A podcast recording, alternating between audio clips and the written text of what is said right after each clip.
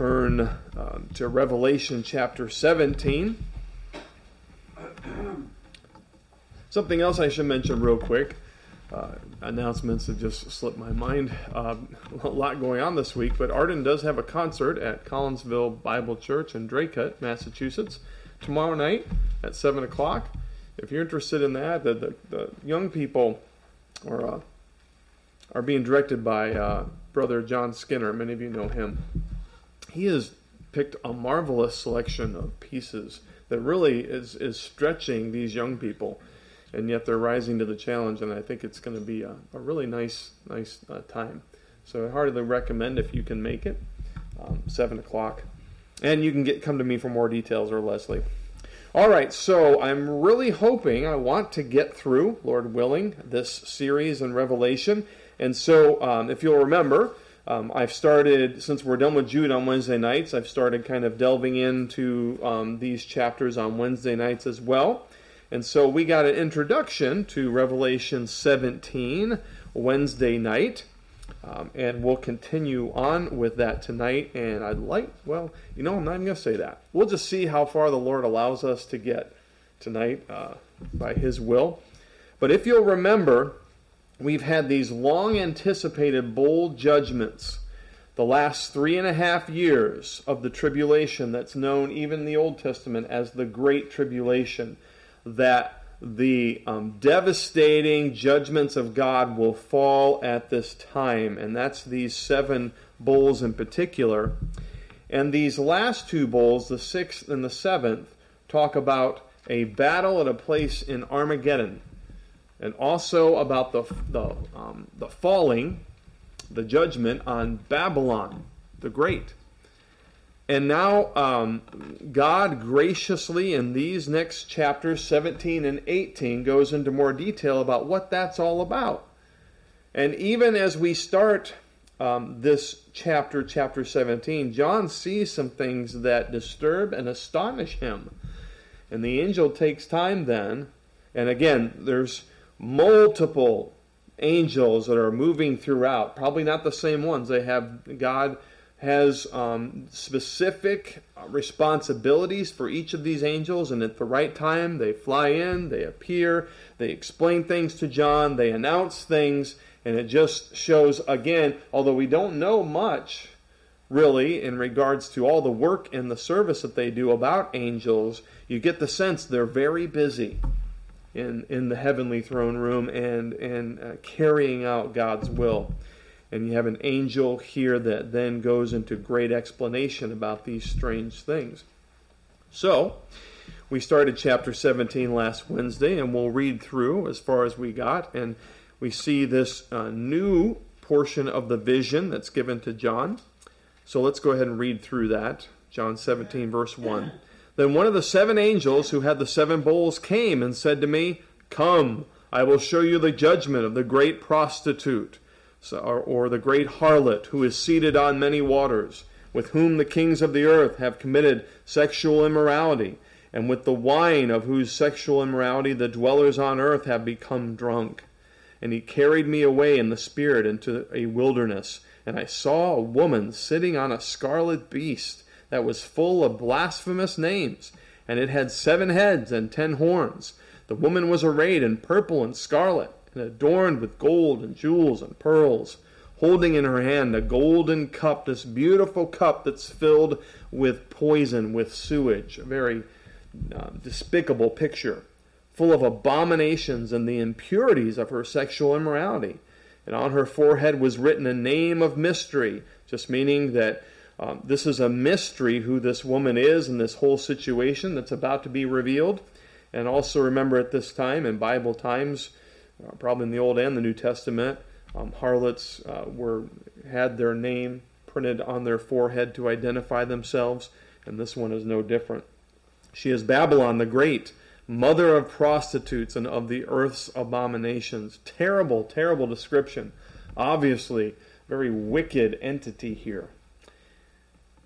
And John says, I saw the woman drunk with the blood of the saints. This is the most disturbing part of this picture, really. The blood of the martyrs of Jesus. And when I saw her, I marveled greatly. And this is in no sense any sort of appreciation This is John saying, This is disturbing, disgusting, and astonishing. Why am I having to look at this? This is terrible. And uh, you'll remember from what we talked about on Wednesday night, um, this woman's associated with luxury and wealth, but think of her in specifically as false religion, as uh, being um, involved in religious immorality. Now, of course, we have multiple instances, especially in the time of the New Testament, where these false religions would include sexual immorality. So that's a fitting picture as well. But really, this is unfaithfulness to God by following false religion, and this woman symbolizes this. And we know that because she is so enthusiastic about the death of God's people. Um, really, a, a picture here. We didn't spend much time on this Wednesday, and I don't really, I don't treasure spending too much time on, on this description in verse six. But it really is a picture of, of this woman intoxicated with with the blood of the saints. It's almost like you hear sh- about sharks being excited by blood in the water, and so this representative, this woman of false religion, is literally energized and um, made vigorous by the death of the saints of God. And it shows the terrible um, trials and trouble that the saints will go through. That, that they really, when they choose and are committed to follow after God, especially in these last three and a half years, it will be terrible for them. Satan will unleash his full fury, and those that follow after him will show hatred and um, just um, you know, just I'm trying to think of intense um, um, opposition to the saints of God in a way that's even hard to imagine. And this is what then causes John great astonishment, as it would us too, as we look at these things. Well, let me go back to this. We didn't have time, and I really want to get ready, by the way, to turn to Jeremiah and the book of Genesis. Because I really want to ask here's, here's this woman that's referred to as Babylon, and we'll hear more about her in just a minute because the angel will start to describe some of these things, but he'll give more description about the beast than he will about Babylon at this point.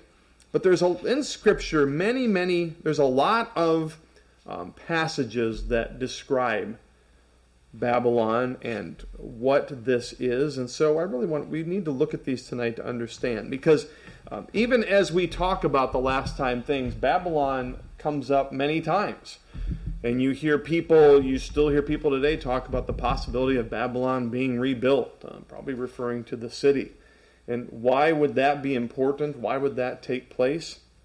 Um, what is the emphasis and the importance? We're going to see in Revelation 18, it is a full chapter dedicated to the lament of those that are aligned with Babylon. A long chapter of the earth dwellers, the people that have followed after the beast that are lamenting the destruction of Babylon. So we need further information.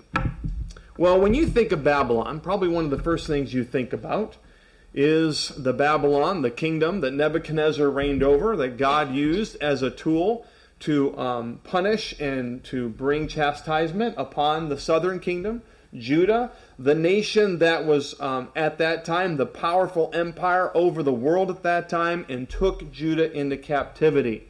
And Nebuchadnezzar, in his arrogance and pride, God humbled him eventually. And I do believe that we will see Nebuchadnezzar one day in heaven. That's what we normally think of when we think of, of Babylon. Turn to Jeremiah 50. We'll look at verses 13 through 20. And Hudson, can you go get me a, a water, a bottle of water? We're seeing the fulfillment that will take place of the destruction of Babylon.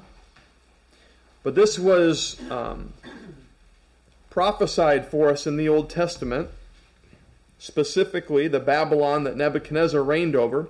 Look at Jeremiah 50, verse 13. Because of the wrath of the Lord, she shall not be inhabited, but shall be an utter desolation. Everyone who passes by Babylon shall be appalled and hiss because of her wounds. This is going to sound very familiar. It's going to coincide with what we see in Revelation 18. Set yourself in array against Babylon all around, all ye who bend the bow. Shoot at her, spare no arrows, for she has sinned against the Lord. Raise a shout against her all around. She has surrendered. Her bulwarks have fallen, her walls have thrown down. For this is the vengeance of the Lord. Take vengeance on her. Do to her as she has done. Cut off Babylon from Babylon the sower, and the one who handles the sickle in time of harvest, because of the sword of the oppressor.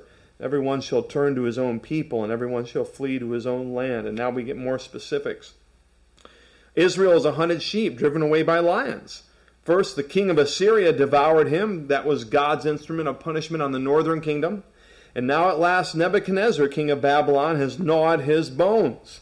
Um, God has ordained Nebuchadnezzar to bring chastisement upon the people of Judah. Therefore, thus says the Lord of hosts, the God of Israel Behold, I am bringing punishment on the king of Babylon and his land, as I punished the king of Assyria. I will restore Israel.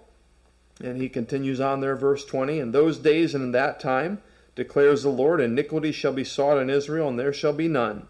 And sin in Judah, and none shall be found. For I will pardon those whom I leave as a remnant.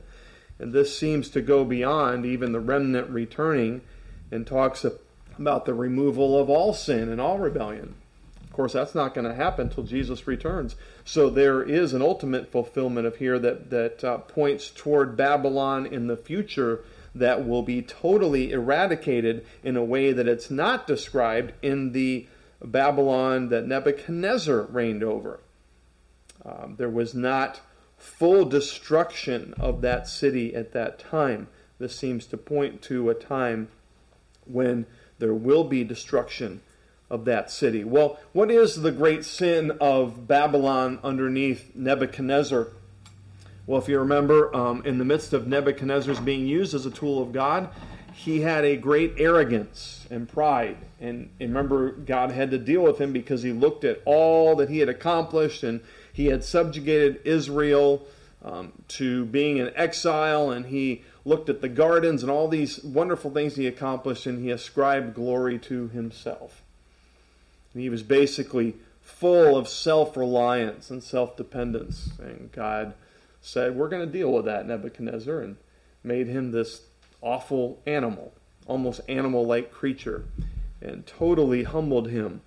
The greatest sin then of that empire of Babylon was their self reliance uh, rather than their recognition of the God of heaven. And in essence, really, that is the spirit of Babylon throughout the Old Testament. One of man relying, trying, attempting to rely on himself and his own strength and power rather than his creator. Well, that's one uh, instance that's well known about Babylon. Can you think of another? Maybe not Babylon, but you remember in Genesis, Babel, probably the same thing in the same area. Genesis 11, turn there.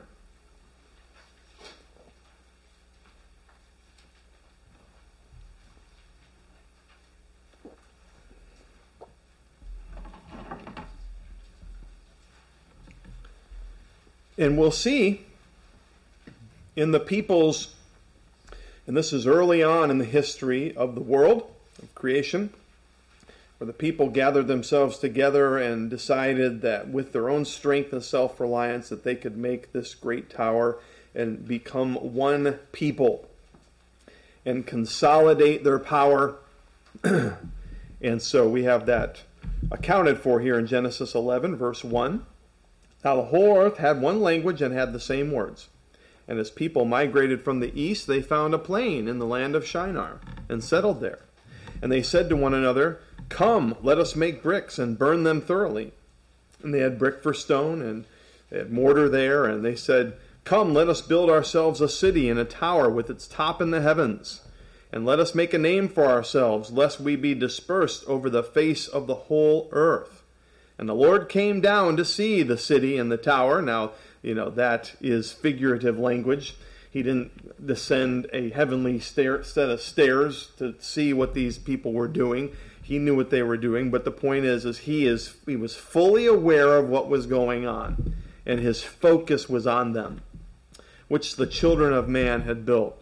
You know, it kind of reminds me of when my kids make something really neat with their Legos, or you know this structure with um, with with wooden pieces and things, and they want to show me it, and I will look at it and say, hey, that you know that's nice, but it's very delicate. It can be destroyed very quickly, and I kind of see uh, God uh, appearing, and He's not saying that looks really nice. He's saying that needs to be dealt with. But it's the same thing where uh, mankind, uh, like children, they build something that they think is really neat, and, and in fact, it's very um, unstable. And uh, so the Lord said, Behold, they are one people, and they have all one language. And this is only the beginning of what they will do. And nothing they propose to do will now be impossible for them Come, let us go down and there confuse their language, that they may not understand one another's speech. So the Lord dispersed them from there over the face of all the earth, and they left off building the city, and therefore its name was called Babel, because there the Lord confused the language of all the earth. And there the Lord dispersed them over the face of all the earth. Now we don't have time to get into all this tonight, but really it, it's not it's not directly stated, but what was the problem here? The problem was mankind getting together to try to build something that would reach to the heavens, and their attempt to reach to the heavens was, was their attempt to be like God, to be able to have the power to reach God on their own and rule themselves. That as well, that again goes back to that spirit of self reliance. Man relying on his own strength and his own power rather than the power of his Creator. That spirit of Babylon that was back in the ancient times of the Scriptures. You know, there is one more passage that's even earlier in Genesis 3 that I think really um, kind of explains the spirit of Babylon. Go to Genesis 3 4 through 6.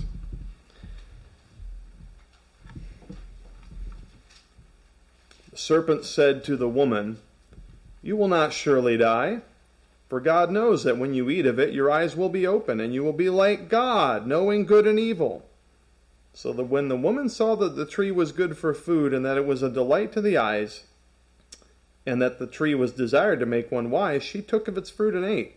And she also gave some to her husband who was with her, and he ate. What was really the sin of um, the first sin of man? Uh, what Eve was tempted to partake in? Well, it was to be able to live life apart from God. To have to not have a need for God. Isn't that what isn't that what the devil, what the serpent said? You'll be like God, knowing good and evil. In other words, you'll be just like him. You won't have to rely on him anymore. You'll be just like him. You you can um, you can uh, live life on your own terms, apart from him.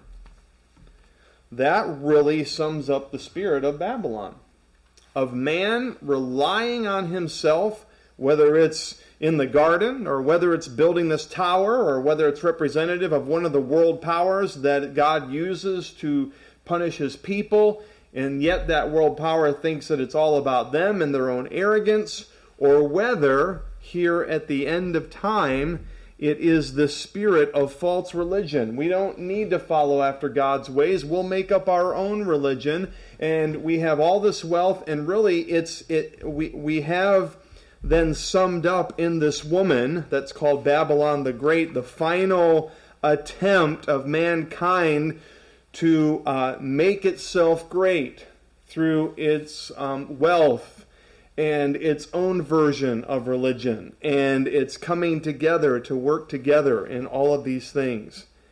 Um, and so I really think that uh, to not be confused, we ought to look at, at this figure and the spirit of Babylon that's been throughout all of history will one day be consolidated into its greatest, most powerful form that's described and, and represented by this woman.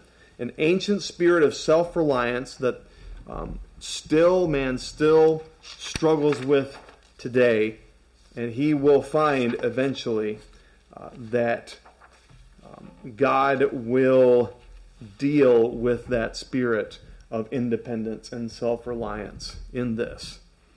So I think that's kind of the best way to look at what's going on here with Babylon and that description.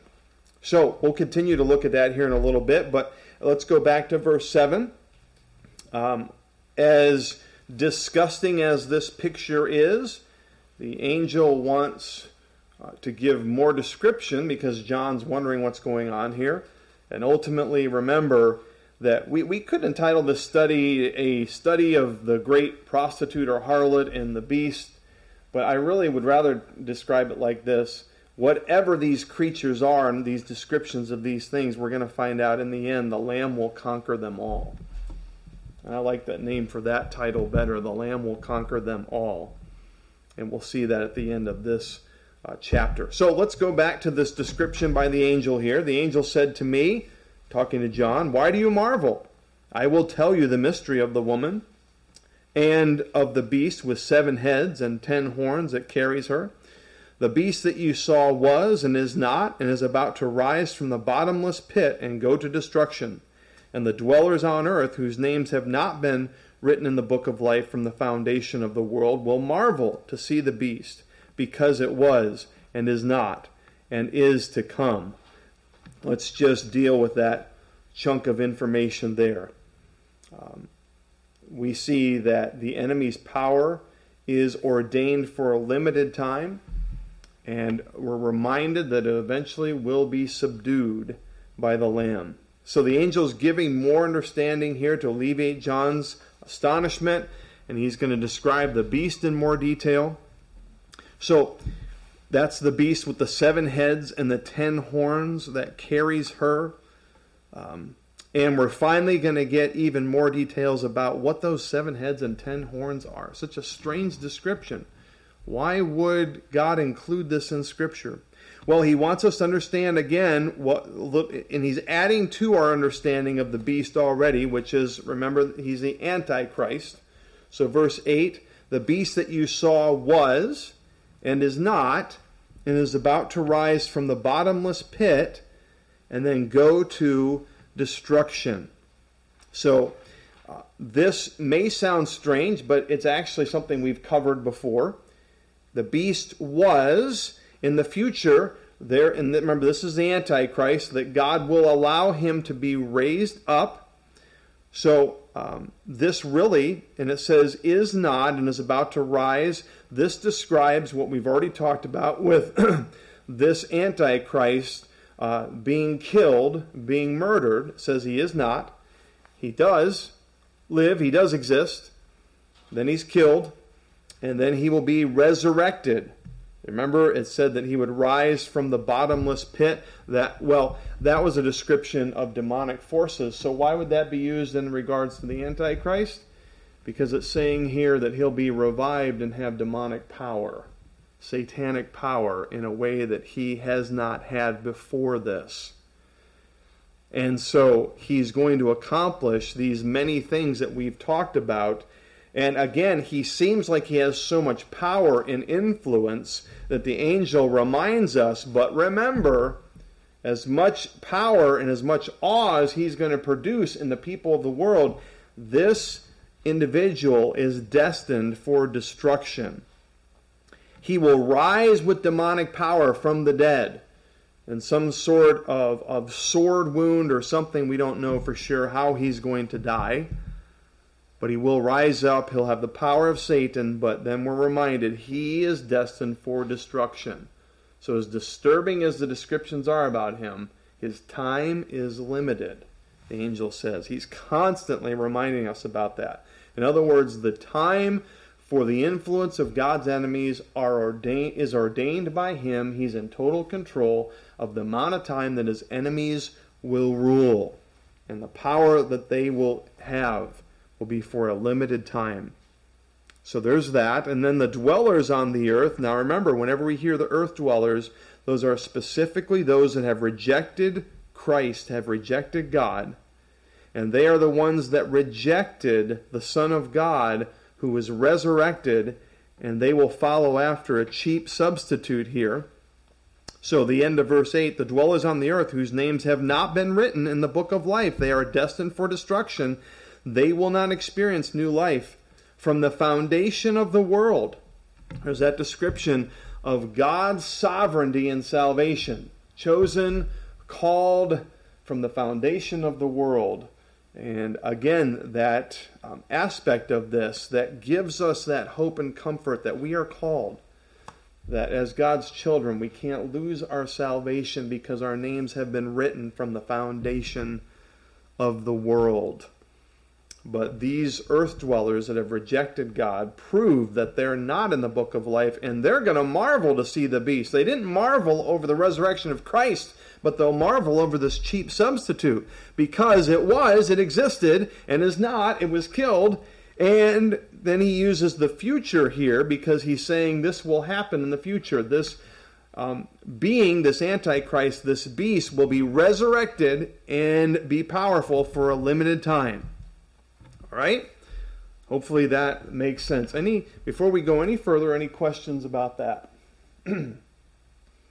Covering a lot of material here in just a little bit of, of time. But okay. Now, if that wasn't interesting or, or let's say um, challenging enough, now the angel says, basically, you really need to put your spiritual thinking caps on for this next one. Okay? So he's we need to rise to the challenge here. He says verse 9, this calls for a mind with wisdom. We have an admonition that we need to continue to study intently God's word and seek understanding.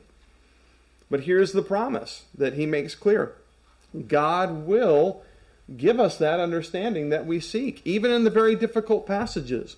This is one of those difficult passages that we need the power of the Holy Spirit and His understanding to understand.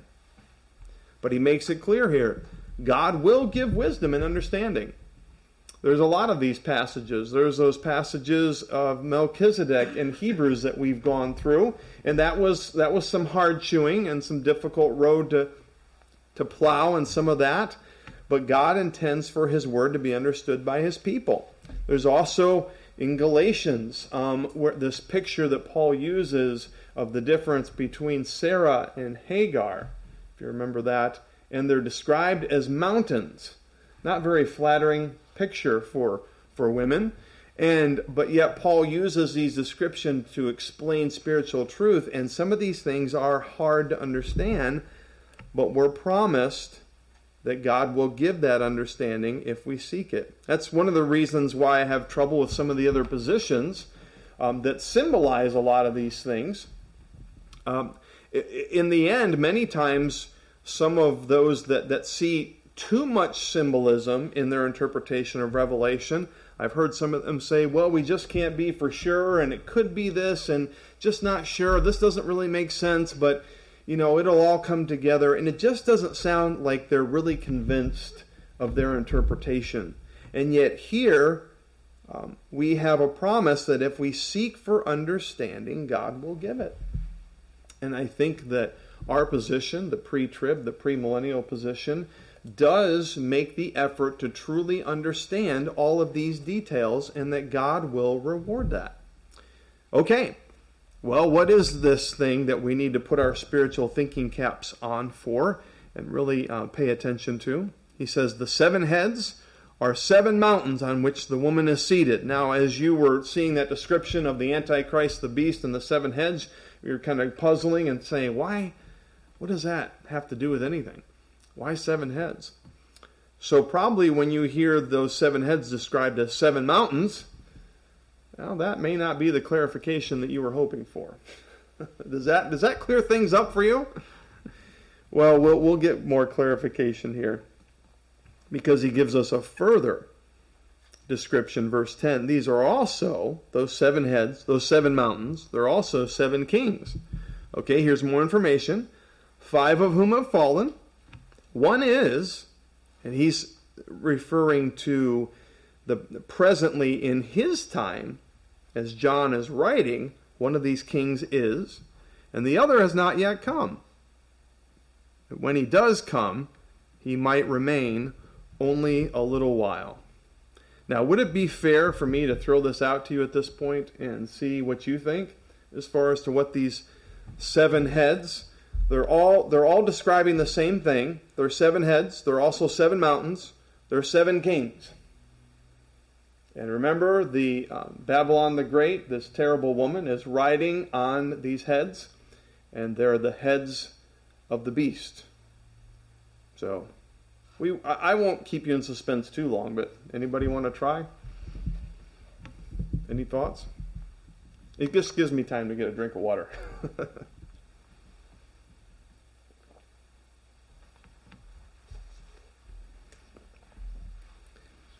okay. Well, let me give you some interpretations. Some people read this and they say, well, we just can't know. It must be symbolic. These heads, these kings, are just symbolic of rebellion against God. Well, there's a problem with that. If it's symbolic, doesn't it seem like it's way too specific? Seven kings. Five have fallen, one is, the other has not yet come too broad to be symbolic. No, there is something that God intends for us to understand here because he gives too many details to broad brush it as symbolism. It can't be that. Some people say then, well, maybe this is in John's time, so uh, maybe this is referring to the Roman emperors, and the beast is somehow connected with them. Well, there's a problem with that interpretation if you know anything about Roman history there was more than seven, or we'll see here, eight emperors. So which ones do we choose? And so interpreters have some very creative um, ways that they, they choose certain of these emperors, like Nero and others. But really, that's conjecture. That doesn't really fit. That doesn't help us truly understand. So, what is the best way, uh, from my perspective and from many, and from the pre tribulation, premillennial position, to look at these? Um, think about this. We're getting world history here at a, at a glance. Um, notice at the end of this description, okay? Um, verse 11, and as for the beast that was and is not, it keeps going back to this remarkable resurrection, his death in this resurrection, he has this demonic power. It says he, it is an eighth. He's an eighth, but it belongs to the seven, and it goes to destruction. If you like riddles, you might be enjoying this at this point. I'm not a big one on riddles, they frustrate me. Tom? I just wanted to ask about how this ties into uh, Daniel's vision, or Nebuchadnezzar's vision. Mm.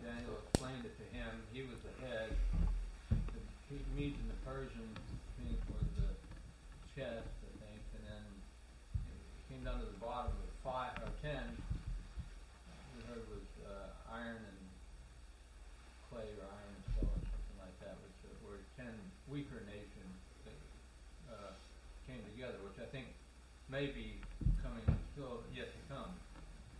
Okay, very good. Very good. It's not as if we've never heard that that we have never heard of this type of thing where you have different kingdoms described in strange uh, ways. Um, it's not like we we've heard this type of thing for the first time here. Daniel um, is a book that really is important to know well in order to fully understand Revelation. Um, and it also, again, if we struggle with one aspect of Scripture and we're wondering about what it means, make sure that we uh, remember the broader context of Scripture and um, study Scripture to see if there are other passages that can enlighten what we're reading in a passage that we're confused by. And many times the authors will mention tie ins to the Old Testament, like in Hebrews and things like that. Well, certainly Daniel is a key to a better understanding of Revelation. Um, and in fact, I'll just read to you real quick uh, this portion of Daniel. This shouldn't surprise us as we've had prophecy that has described multiple kingdoms. Daniel 7, verse 23. Thus he said, As for the fourth beast, there shall be a fourth kingdom on earth, which shall be different from all the kingdoms, and it shall devour the whole earth, and trample it down, and break it to pieces. And as for the ten horns, there we have a help for the ten horns that are described in Revelation. This was mentioned all the way back in Daniel. Out of this kingdom, ten kings shall arise, and another shall arise after them, and he shall be different from the former ones, and he shall put down three kings. So he shall subjugate and subdue the king, these other kings, and be the lead. Now that is fulfilled in what we're seeing in Revelation 17.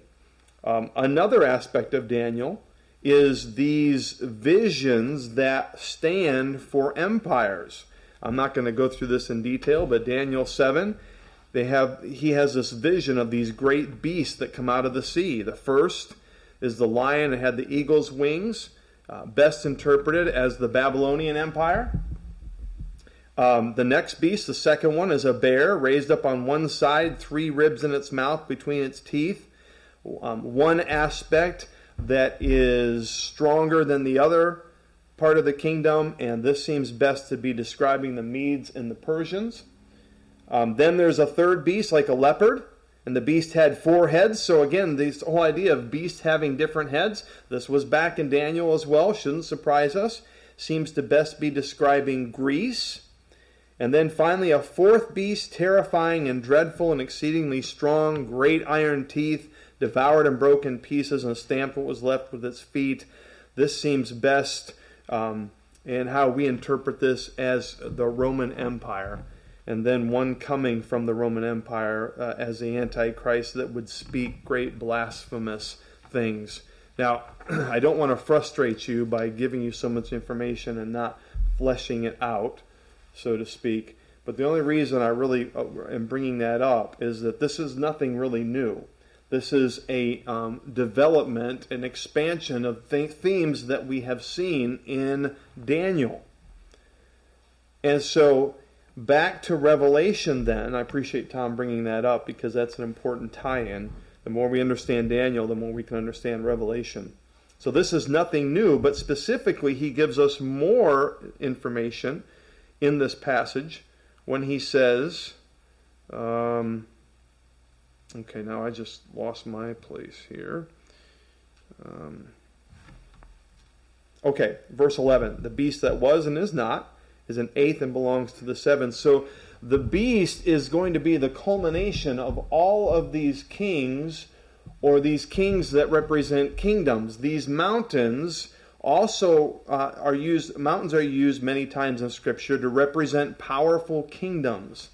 So we have these heads that are powerful kingdoms that are ruled by these rulers, and the culmination of all these will be the Antichrist, the beast that will literally rule over the whole world. So, if that's the case, and he will be um, the most successful of all of these kingdoms, that will he will literally rule the whole world and then the bible reminds us again for a time because at the end of verse 11 it says he's destined for destruction. So don't be worried. He's going to be world ruler but for a limited time. And then he faces eternal destruction so if that's the case what are these other heads then? It seems best to look at these again like i said just a, a little bit ago as, as world history at a glance. What are the other great kingdoms, the mountains of world history, that had total dominance of the world in their time? In a lesser extent than the beast would, but still, the world dominating kingdoms of their time, and if you really think through this, there's only been a few that dominated, that truly ruled over the whole world in any real sense. Egypt, right? in control of the whole world at their time. All the nations going to Egypt, even at Joseph's time, for sustenance and for help. You have Egypt, you have Assyria, who was the world power that God used to um, bring judgment upon his people, the northern kingdom. You have uh, Babylon, we've talked about that. Then you had Persia, the Medes and the Persians, but we'll use Persia as the more dominant kingdom. You had Greece, and you have Rome, and then the future kingdom of the beast. So, by my count, one, two, three, four, five, six. The future kingdom of the beast is seven. And that seems to be the best interpretation, um, matching the data that we have here. And so, all of these kingdoms, really, you can describe it this way they're precursors to the total dominance of the kingdom of the Antichrist. They dominated their world at their time but no king or kingdom has ever ruled over the entire world the way that the Antichrist will do. He is the most successful of this out of all of these world kingdoms, and yet the angel reminds us, but it's only for a limited time. And he's going to experience eternal destruction. So, okay, then we have this riddle part seven kings, five of whom have fallen. One is, and the other has not yet come. This helps buttress what I've just said. What were the five kingdoms at the time of John that had already fallen? Egypt, Assyria, Babylon, Persia, Greece. What is the kingdom that was ruling at the time? The one that is. At the time of John, it was still Rome. And you have then the one in the future, the one that will be dominated by the beast. But then this is interesting. Verse 11 again, the beast, it says it's an eighth. So now we have eight of these kingdoms, but it belongs to the seven. Oh, just kind of mind blowing. What's going on here? Well, do you remember that we talked about the fact and the evidence, even in Revelation, that uh, the beast, even before he's killed, will have a great influence and he will lead a, um, a coalition of other kingdoms that he will lead. And that we can um, pro- correctly consider would be that seventh kingdom. Before he before he's killed, the beast, the Antichrist, before he becomes in a satanic, demonic um, way the true Antichrist, he will already have been a successful leader that will have been leading a uh, kingdom that was dominating the world. That's the seventh. But when he's killed, then all those other kingdoms that he's leading will be insignificant because his power, he will be the only focus. Who cares about all those other kingdoms at this point? Um, they're going to follow him, we're going to see here, and that's going to be the ten horns but he will dominate in an eighth kingdom and he will be world ruler, all in his own power, well, the power of Satan, for a limited time. And then he'll go to destruction. All right. Does that make sense? Yeah, Rick, go ahead. what is the connection then with him being part of the seven? This is why I've heard, I think I've heard people say, if we ever get a Jewish pope in, in Rome, that that may be the Antichrist. I mean, I've heard people say that before, but I don't know if that's what they're taking it from. I'm gonna I'm gonna have to look up that interpretation a, a little bit more on that one, um, because I've heard that too, and honestly, I'm not sure where that connection So if it's part comes in. Seventh, that would be the reason why it's part of the seventh because that's Rome still. Right, and so that that's in the aspect of that the Antichrist rules over a revived Rome. Antichrist is going to be Jewish, correct? You're right. He's Messiah, Yeah, right? So- that would make sense, and I think he will be Jewish because of that aspect. So, yeah, I can see where where they would get that. Would am I fully convinced of, of that based on what I've read here? Well, I- I can't say that, but it makes sense. Anybody else? I know this is a lot of information. We're getting to the end soon, though. All right. Well, that's that's the seven heads. What are the ten horns?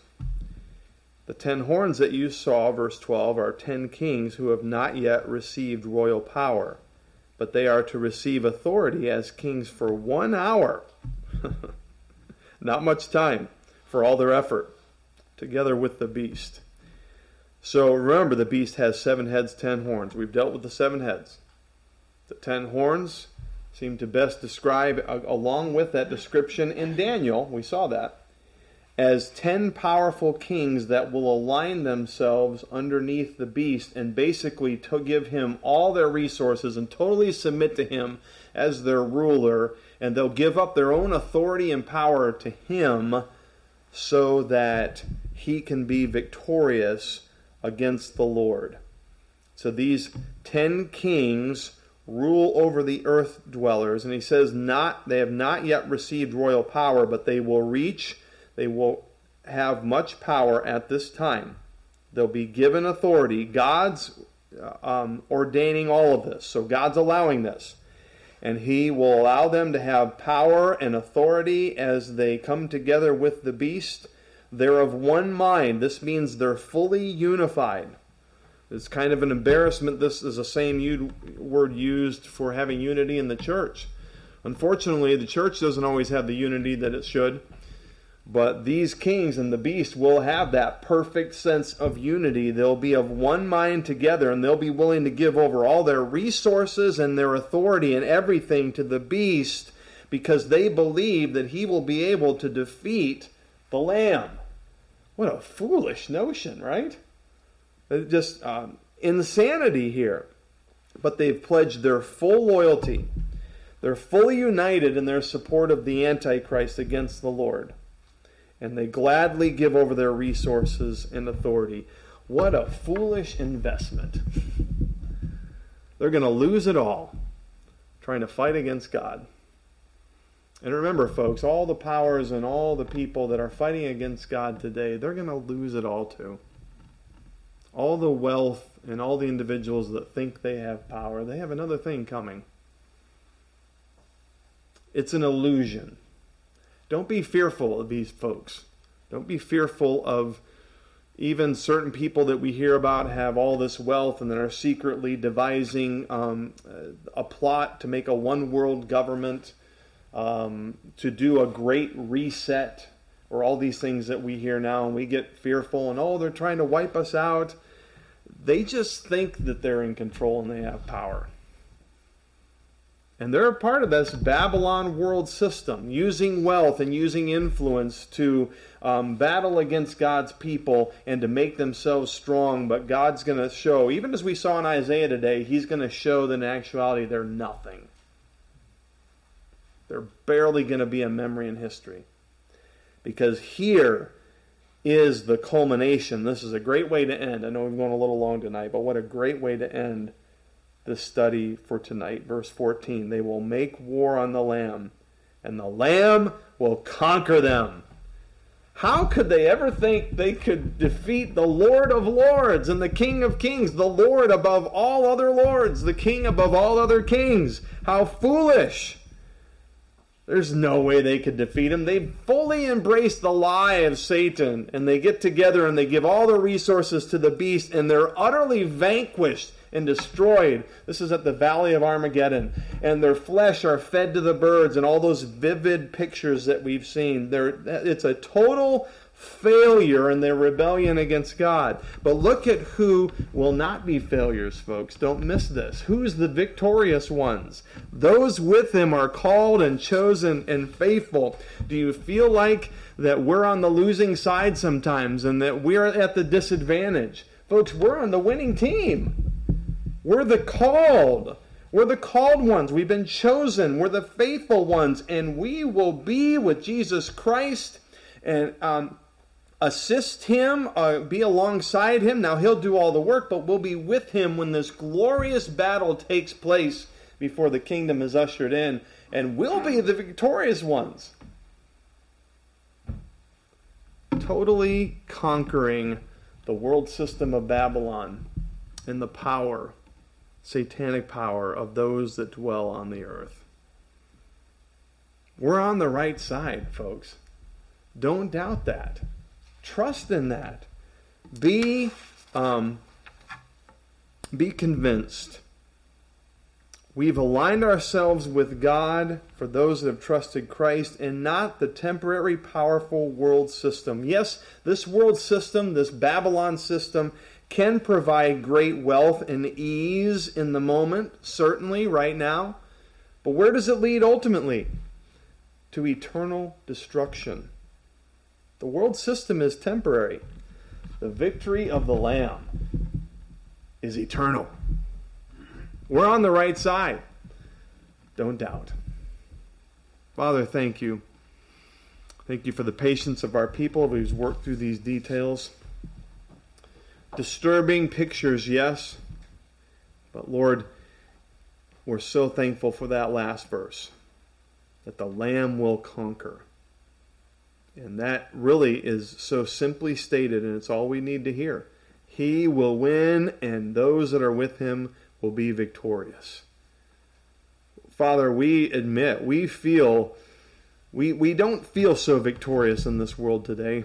We feel trodden down. We feel um, ignored. We, we feel uh, sense that, that um, our words and our uh, persuasion, our, our very existence is, um, is lessened and um, criticized.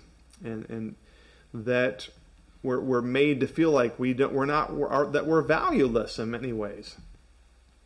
Help us to remember that we are the victorious ones that will come with the Lamb, and we will see the victory over all of this evil and rebellion and wealth and influence and false religion that seems so powerful and it'll be wiped out in a moment at the great battle. Lord, we as terrible as it is, we look forward to seeing the Lamb in this victorious way. We long for that. Help us to stay faithful and true until this takes place. Committed, faithful, serving you. Remember we're remembering we're on the winning team. For all this we ask for your help and in Jesus name that we pray. Amen.